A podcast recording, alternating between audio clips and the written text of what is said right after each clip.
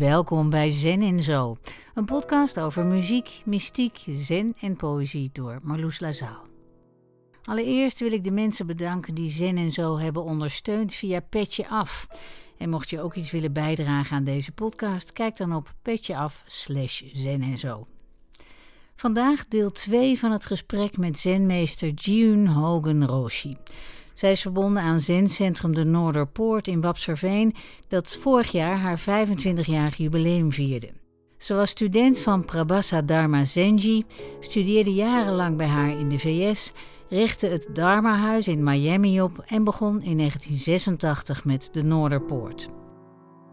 In de vorige aflevering spraken we over haar roeping, vrouwen en zen en het boek Het Verborgen Licht. Vandaag horen we iets over haar ontmoetingen met Leonard Cohen en wil ik weten waarom het doen van een session of een zenretraite zo belangrijk is. Ik vergelijk het wel eens met, met een auto die je naar de, naar de werkplaats brengt om, voor een servicebeurt, onderhoudsbeurt.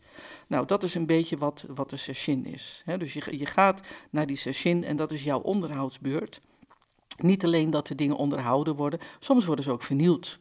Hè? Of komen er sowieso hele nieuwe dingen in. Dat is wat in een session gebeurt. Maar je doet dat, hè, je brengt die auto naar die werkplaats om er vervolgens weer mee te kunnen rijden.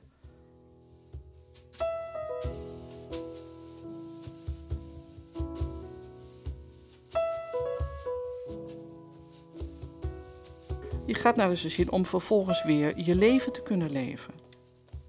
Dus dat moeten ook niet twee aparte werelden worden. Er is niet zitten en mijn dagelijks leven, nee. Of zen en mijn dagelijks leven. Dat, in het begin wel, natuurlijk, hè? maar op een gegeven moment moet dat wegvallen. Of moet, kan het wegvallen.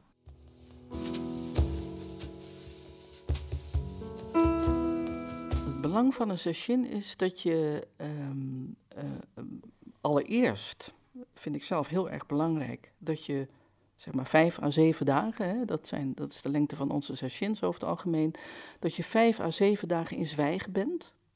Dus dat je het niet verliest in, in die woorden, in, in dat naar buiten treden uh, via taal, uh, maar dat je daardoor eigenlijk uh, als vanzelf op jezelf terug wordt geworpen. In zekere zin, al die woorden die hebben iets, altijd allemaal iets waar het niet klopt, maar in zekere zin naar binnen keert. Plus dat het, het steeds maar weer gaan mediteren, afgewisseld met loopmeditatie. Uh, met de, de paar rituelen die er zijn, we hebben er niet zoveel meer, maar een aantal. Al die dingen helpen je om ja, in feite in een andere state of mind te komen, op een andere manier aanwezig te zijn, waardoor de, de, de gewoontes in ons minder krachtig zullen zijn. Dus je gaat eigenlijk een beetje terug, of je gaat naar naar dat stukje van jezelf waar het geconditioneerde wezen niet meer zo aanwezig is. En dat betekent onder andere voor je, voor je geest dat er een bepaalde helderheid komt, uh, openheid ook, waardoor je dingen en, en met name ook jezelf soms ineens op hele nieuwe manieren gaat zien de dingen die je doet, de dingen die anderen doen, die, die ga je begrijpen op een andere manier. Uh, het is niet meer alleen maar vanuit die ene ik-koker, maar het is groter geworden, het is wijder geworden. Er, zitten, er komen meer mogelijkheden. Dus dat is de ene kant. En de andere kant is natuurlijk hè, uh, een, een, een, vervolg op dat naar binnen keren, dat je uh, uiteindelijk, of niet uiteindelijk, maar dat, dat die momenten zich kunnen voordoen waarop je ontdekt, er was even helemaal niets. En dat betekent dat op zo'n moment is, is, is in zekere zin de hele zelfreflectie verdwenen, uh, maar ook het hele geconditioneerde wezen is, al is het maar voor een fractie van een seconde, tot stilstand gekomen.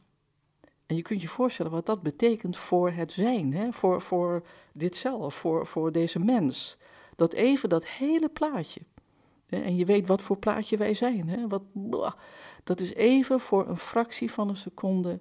En dan misschien weer een en misschien weer een. Tot stilstand gekomen. Dat is ook, denk ik, onder andere waarom mensen aan het eind van zo'n session, en vaak al op de, de derde, vierde dag, ineens het gevoel hebben dat ze heel veel energie hebben. Dus niet omdat ze uitgerust zijn of omdat ze niet hoeven te werken of uh, op zich omdat ze stilzitten. Nee, ik denk dat dat veel meer daarmee te maken heeft. Ja, dat is heel waardevol. Het is, uh, je kent natuurlijk de, Zen Mind Beginner's Mind, dus dat is een gevolg ervan dat, dat de dingen die je ontmoet in zekere zin eigenlijk inderdaad altijd nieuw zijn. Dus je hebt een frisse blik op jezelf, op anderen, de wereld.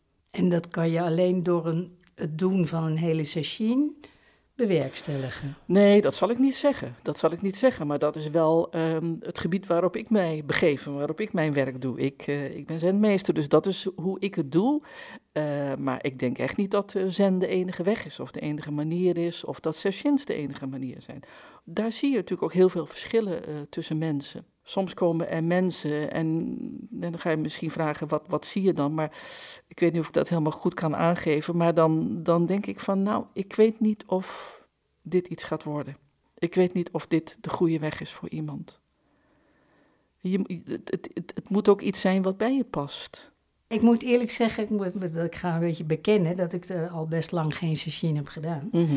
Ook omdat ik nou nee, ga ik allemaal niet vertellen. Maar nee, ik vind het soms zo jammer. Dan ben je daar met een groep mensen mhm. waarvan je heel erg het gevoel hebt van... Goh, wij, wij, wij, zitten hier als mensen van goede wil heel fijn met elkaar dit samen te doen. Ja. Maar die mensen kan je, spreek je helemaal niet. Die, die, je zegt nog uh, hallo uh, bij het binnenkomen. En uh, als je mazzel hebt, drink je nog een kopje thee bij het afscheid. En dat was het dan. Dan heb je vijf dagen uh, wel met elkaar doorgebracht en op een bepaalde manier wel iets gezamenlijks gedaan. Ja, ja. Maar daar, ik kan me daar bij tijd en wijle ook heel eenzaam door voelen. Juist door met al die oh. mensen te zijn, maar er niet mee te mogen praten. Ja, dat begrijp ik, dat je dat, je dat zo kunt uh, ervaren. Ja. Ik, wat ik zie, dat, dat uh, voor heel veel mensen dat niet aan de hand is, maar dat ze juist dat gevoel van, van samen zijn hebben, samen zitten. Uh, we hebben natuurlijk als, als hier sessions beginnen, dan komen mensen over het algemeen een uur of vijf binnen. En we gaan pas aan het eind van de avond het zwijgen in. Hè? Dus tot die tijd hebben mensen contact met elkaar, praten ze met elkaar. Uh, bij langere sessions, dus dan heb ik het over zeven dagen, uh, zorg ik ervoor dat op de, de laatste hele dag er altijd ook een moment is waarop mensen met elkaar kunnen praten. Of in, in tweetallen of in de groep om niet alleen of niet ineens over te gaan in, uh, in, in, in het uh, dagelijkse gesprek. Op de laatste ochtend hè, is bij het ontbijt, is er praten, uitwisseling. Dus in die zin is het over het algemeen zo dat de meeste mensen elkaar al behoorlijk goed kennen, die samen zitten. En ervaren ook dat het heel bijzonder is om iemand ook op dit moment te leren kennen, in deze situatie, in deze session, zonder dat er iets met woorden gezegd wordt. Dus je, je beleeft iemand op een hele andere manier. Je gaat iemand zien. Hè? Een beetje in de orde van wat, wat, wat mensen hè, zeiden van... Goh, ik zie het gezicht weer van mensen nu die mondkapjes af zijn. Nou, hè, er is dus kennelijk iets ook wat we zien, wat, waar, waarvoor we geen woorden nodig hebben. En dat gebeurt natuurlijk ook in een session. En ik denk zelfs veel sterker in een session en een van de dingen die daardoor gebeurt, is dat ook daar weer mensen openen zich, mensen gaan elkaar aardig vinden en ze weten niet waarom. ik ben ooit in, in de session op de vierde dag ben ik mijn theeshow begonnen met van, als er nu nog geen liefde in jullie is, dan weet ik het niet meer. Of dan heb je nog niet goed gezeten. Oh, iets, in die, iets in die richting. Want ik weet dat dat gebeurt. Ja. Dat, dat gebeurt gewoon hoe, hoe, hoe boos je ook binnenkomt of hoe van slag je ook binnenkomt. Uh, en dat is, ja, dat, dat is natuurlijk fantastisch, maar daaruit leer je ook iets. En dan zie je dat er, uh, dat er een basis in ons is die helemaal niet zo negatief is.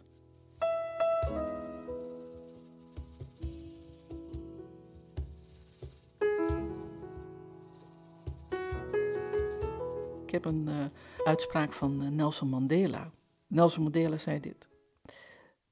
Toen ik de deur uitliep naar de poort die naar mijn vrijheid zou leiden, wist ik dat als ik mijn bitterheid en haat niet achter me zou laten, ik nog steeds in de gevangenis zou zitten.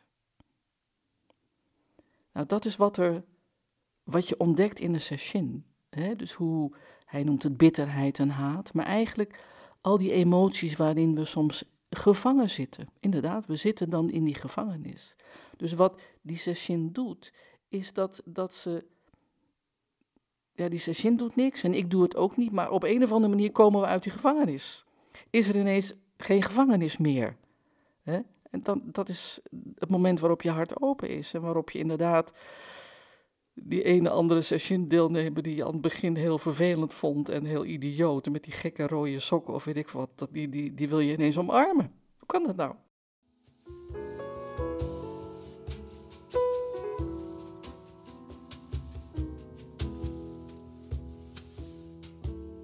Hoe ben je eigenlijk ooit hier in Wapserveen terechtgekomen, 25 jaar geleden? Zoals heel veel dingen is dat een samenloop van omstandigheden. ik was in 1994 naar Duitsland gegaan op verzoek van mijn meester om daar een centrum te beginnen.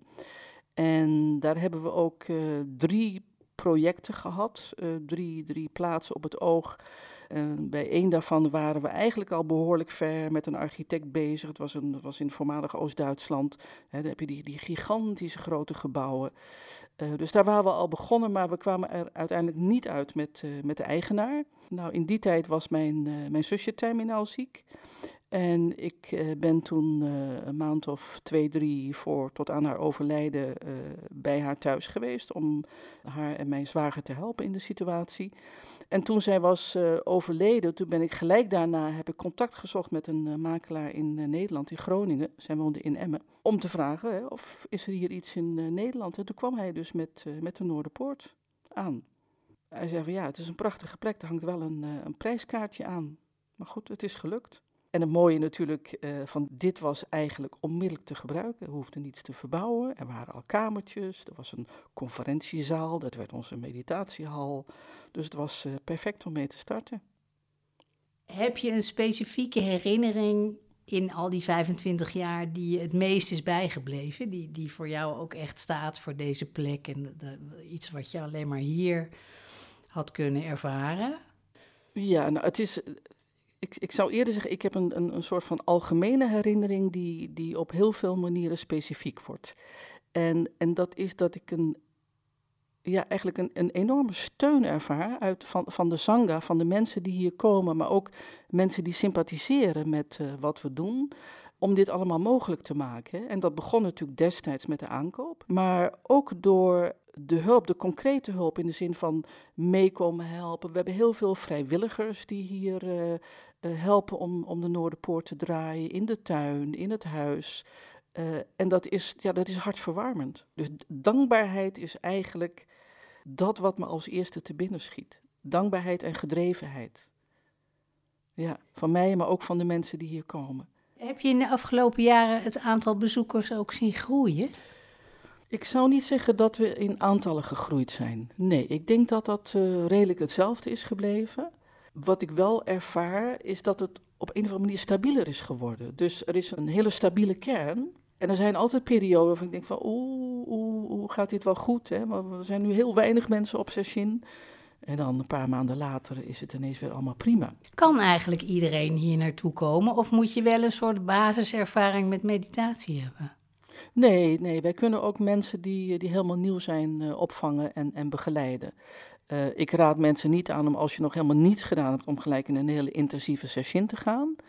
Maar meer uh, programma als het de dagelijks leven, retraites hier of de, de, wekelijkse cursussen, sowieso natuurlijk, die ook door het hele land plaatsvinden. Of soms maken we een aparte afspraak met iemand om instructie te geven en dan zie je vrij snel wat iemand kan doen. Hè. Voorwaarde is wel, denk ik, dat iemand mentaal gezond moet zijn. Dus als, uh, we krijgen natuurlijk best wel vaak vragen, en dat ligt voor de hand, van mensen die, uh, die het moeilijk hebben, die psychisch in de problemen zijn.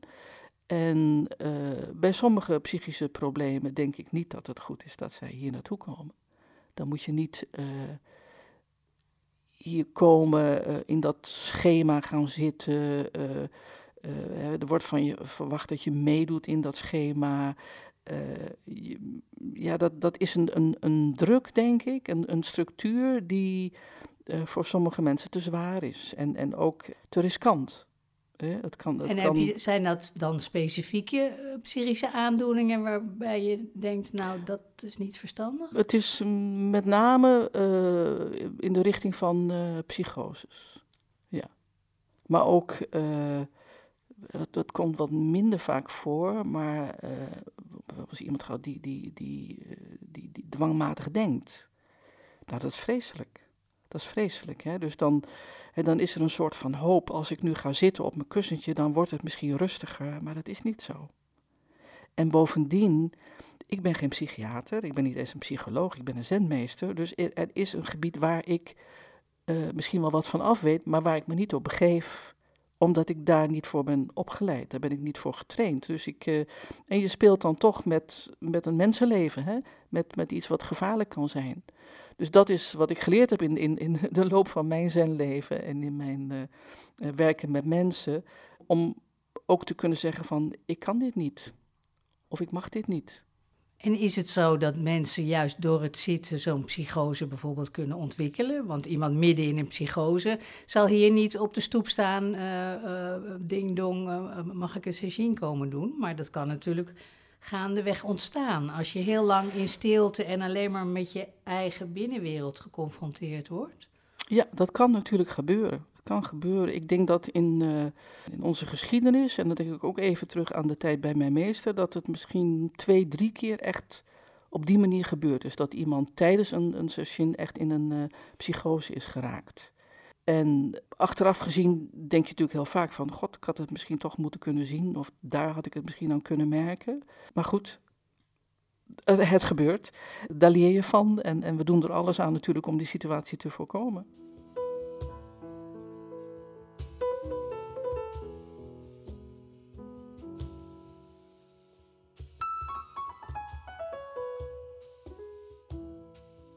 We zijn heel voorzichtig met de druk, met de intensiteit de eerste jaren dat wij begonnen, uh, zat ik natuurlijk best nog wel behoorlijk uh, op het spoor van mijn meester, uh, de Japanse traditie, Sasaki Hiroshi. En dat was behoorlijk hard, behoorlijk intens, behoorlijk veel eisend. En ik ben daar heel erg in veranderd, denk ik. de, een zekere discipline is, is altijd nog wel gewenst vind ik ook eh, over het algemeen uh, iets goeds voor het leven, hè? Een, een, zekere structuur. Ik denk dat dat gezond is voor, voor de mens. Uh, misschien niet voor iedereen, maar zeg maar voor de meeste mensen wel. Maar um, die dwang en ook het idee van dat, dat ik echt precies zou weten wat voor iemand goed is, nou dat is veranderd in de loop van de jaren. Ik weet het soms ook niet. En wat ik dan merk, het mooie is, als je op die manier samen die weg loopt, dat je samen ook de volgende stap ontdekt. Ik weet nog dat ik als beginnend leraar heel vaak wel het idee had van, ook oh, doe het niet goed en ik heb het fout gedaan of uh, uh, zo. Nou, dat is, dat is eigenlijk niet meer zo aanwezig. Nou ja, je, je, brengt me een beetje op het punt waar ik zelf in sessions wel tegenaan loop door het vele zitten, toch in zo'n, voor zover dat lukt, halve lotushouding op zo'n kussentje.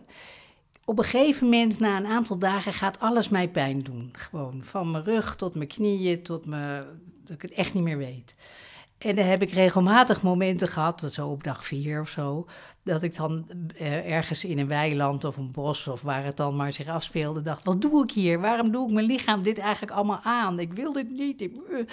En dan is er toch iets, of zo heb ik het althans geïnterpreteerd, in de zenstrengheid, van ja, nee, maar je moet er juist doorheen zitten en met die pijn. En, maar ik kan me herinneren dat jij zelf ook op een gegeven moment best veel last van je knieën had door het vele zitten. Of is het, was het niet door het vele zitten? Dat is het uh, misschien... Nou, het was niet alleen mijn knieën. Maar ik denk niet dat het alleen door het, uh, door het zitten was, maar het zitten heeft het absoluut verergerd dat wel. Hè. Kijk, uh, ik weet inmiddels, ik, uh, mijn lichaam houdt van artrose. Ik heb ook uh, al, al, tien jaar lang twee kunstheupen. En de pijn die in mijn knie was destijds, die had eigenlijk te maken met de artrose in mijn heupen. Ik heb ontzettend veel pijn gehad in mijn zenleven. En ik heb natuurlijk ook die tijd gehad bij mijn meester. Maar ook bijvoorbeeld hè, die, die, die, die sessions die ik bij Sasaki deed. Ja, dat was blijven zitten, blijven zitten, blijven zitten. En dat was niet leuk. Nou, dat is een van de dingen waar ik ook in veranderd ben. Ik zal niet zo gauw meer tegen mensen zeggen: je moet er doorheen zitten. Of je moet er, blijf nog maar zitten uh, tot je het niet meer voelt. Ik weet dat dat kan gebeuren. Maar de vraag is natuurlijk of dat altijd goed is. Dus veel belangrijker is om je eigen pijn te leren kennen. Te, te gaan zien hoe het ontstaat, wanneer het ontstaat en op welk punt het, zeg maar, het je gaat hinderen in je meditatie.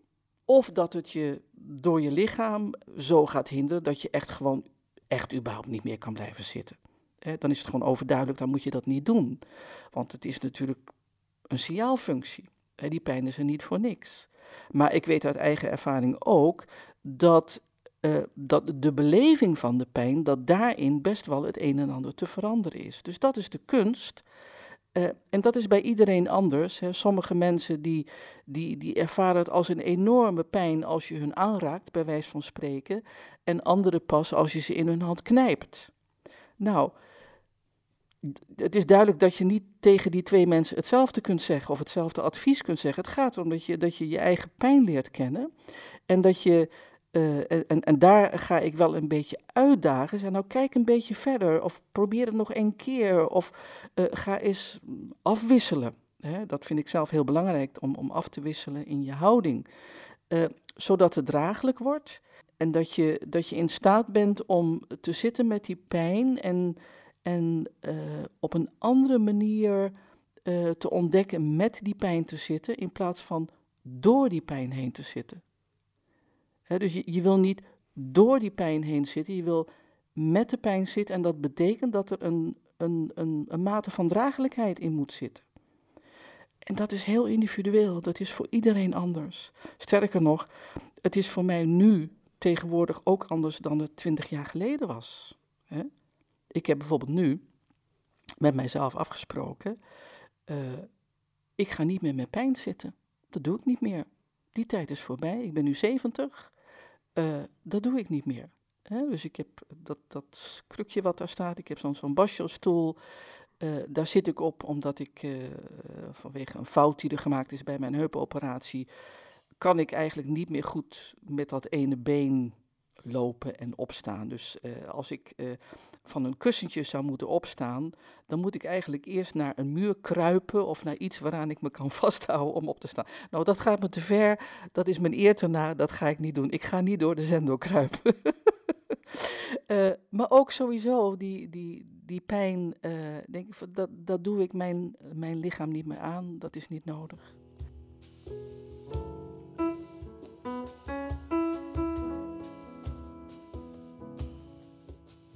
Jullie uh, hadden vorig jaar jubileum, 25 jaar bestaan ja. van de Noorderpoort. Ja. Hoe hebben jullie dat gevierd?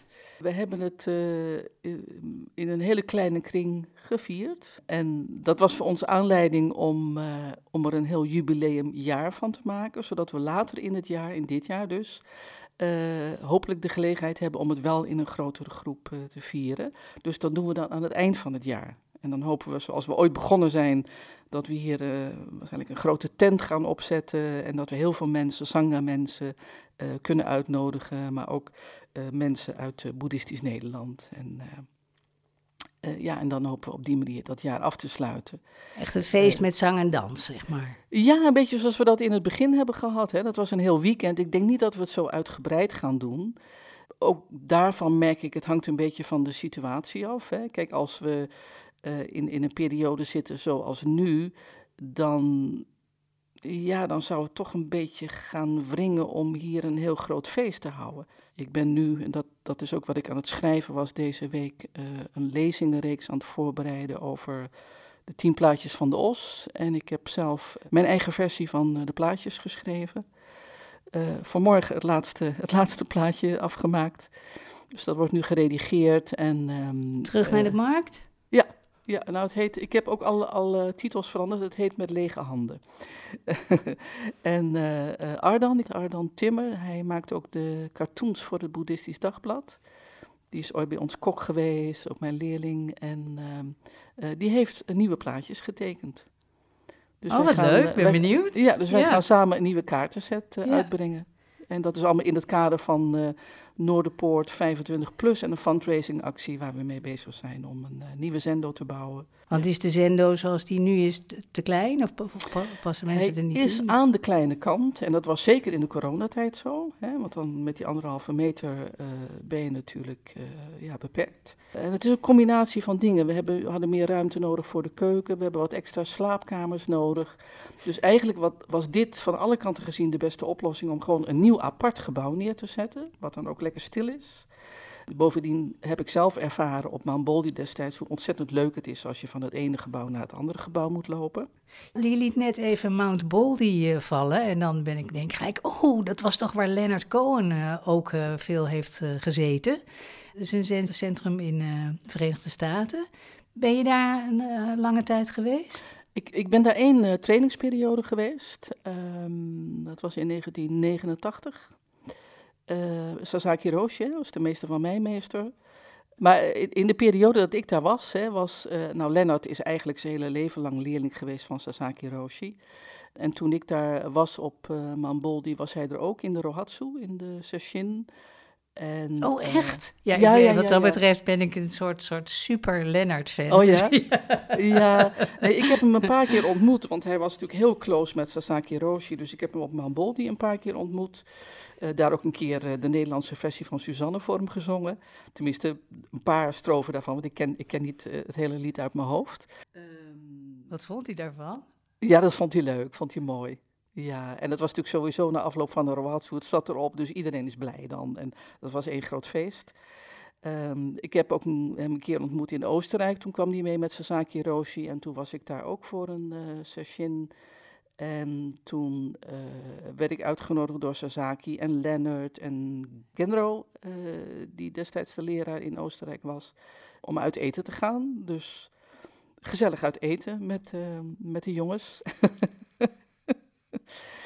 En ik heb natuurlijk heel veel van hem gehoord, nee, over hem gehoord van mijn meester. Dus ook in de tijd dat zij ziek was en ik voor haar zorgde, kwam hij af en toe langs. Ja, zij waren ook heel close en ik, volgens mij is Lennart ook een tijdje behoorlijk verliefd geweest op mijn meester, de eerste jaren dat hij op uh, Mamboldi zat. dus die twee hebben eigenlijk ook altijd contact gehouden met elkaar. Wat spannend. Ja, ja ook weer niet, hè? ook weer heel gewoon natuurlijk. Want was jij in die tijd zelf ook een Lennart-fan of eigenlijk niet zo?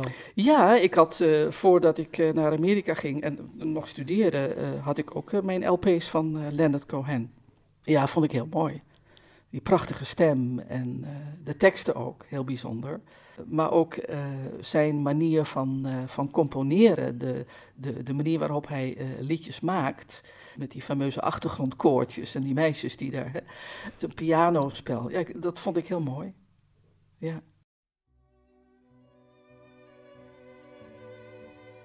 Gion Roshi heeft tot slot geen stuk van Leonard Cohen gekozen om te laten horen, maar iets uit de Matthäus Passion. Ze legt uit waarom. Begin van de coronatijd, toen uh, ging ik samen met Tetsuwe Roshi uh, af en toe een aanmoediging sturen naar onze sangha. Dus per e-mail een, een tekst hè, als aanmoediging om, om, om de tijd door te gaan. En bij mijn eerste aanmoediging, um, dat was in de tijd rond pa Pasen, zat ik in de auto en toen had ik net gehoord dat een, een oud leerling van mij corona had en heel, heel ernstig, heel ernstig ziek daarvan was geworden en op de intensive care lag heeft hij uiteindelijk, ik geloof, iets van 47 dagen op gelegen.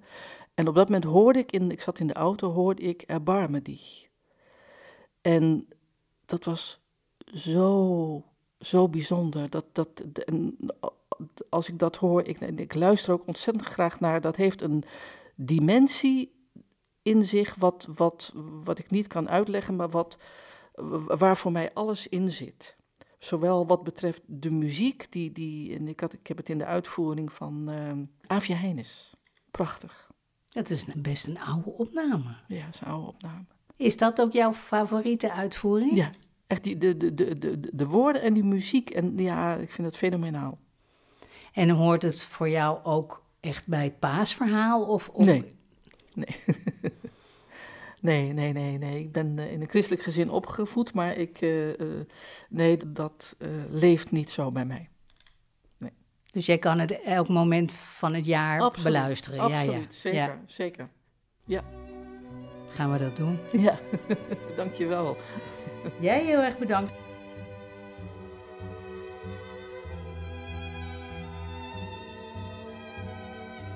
Je hoorde zenmeester Jiyun Hogan Roshi.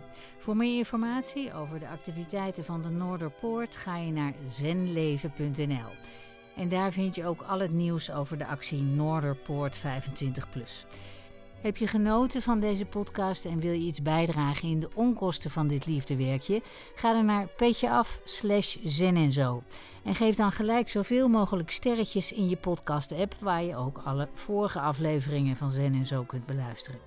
Op mijn website marloeslazaal.nl vind je informatie over mijn andere activiteiten. In de volgende aflevering is voormalig reclameman en nu kerstverse zenleraar Gert-Jan Mulder te gast. Heel graag tot dan.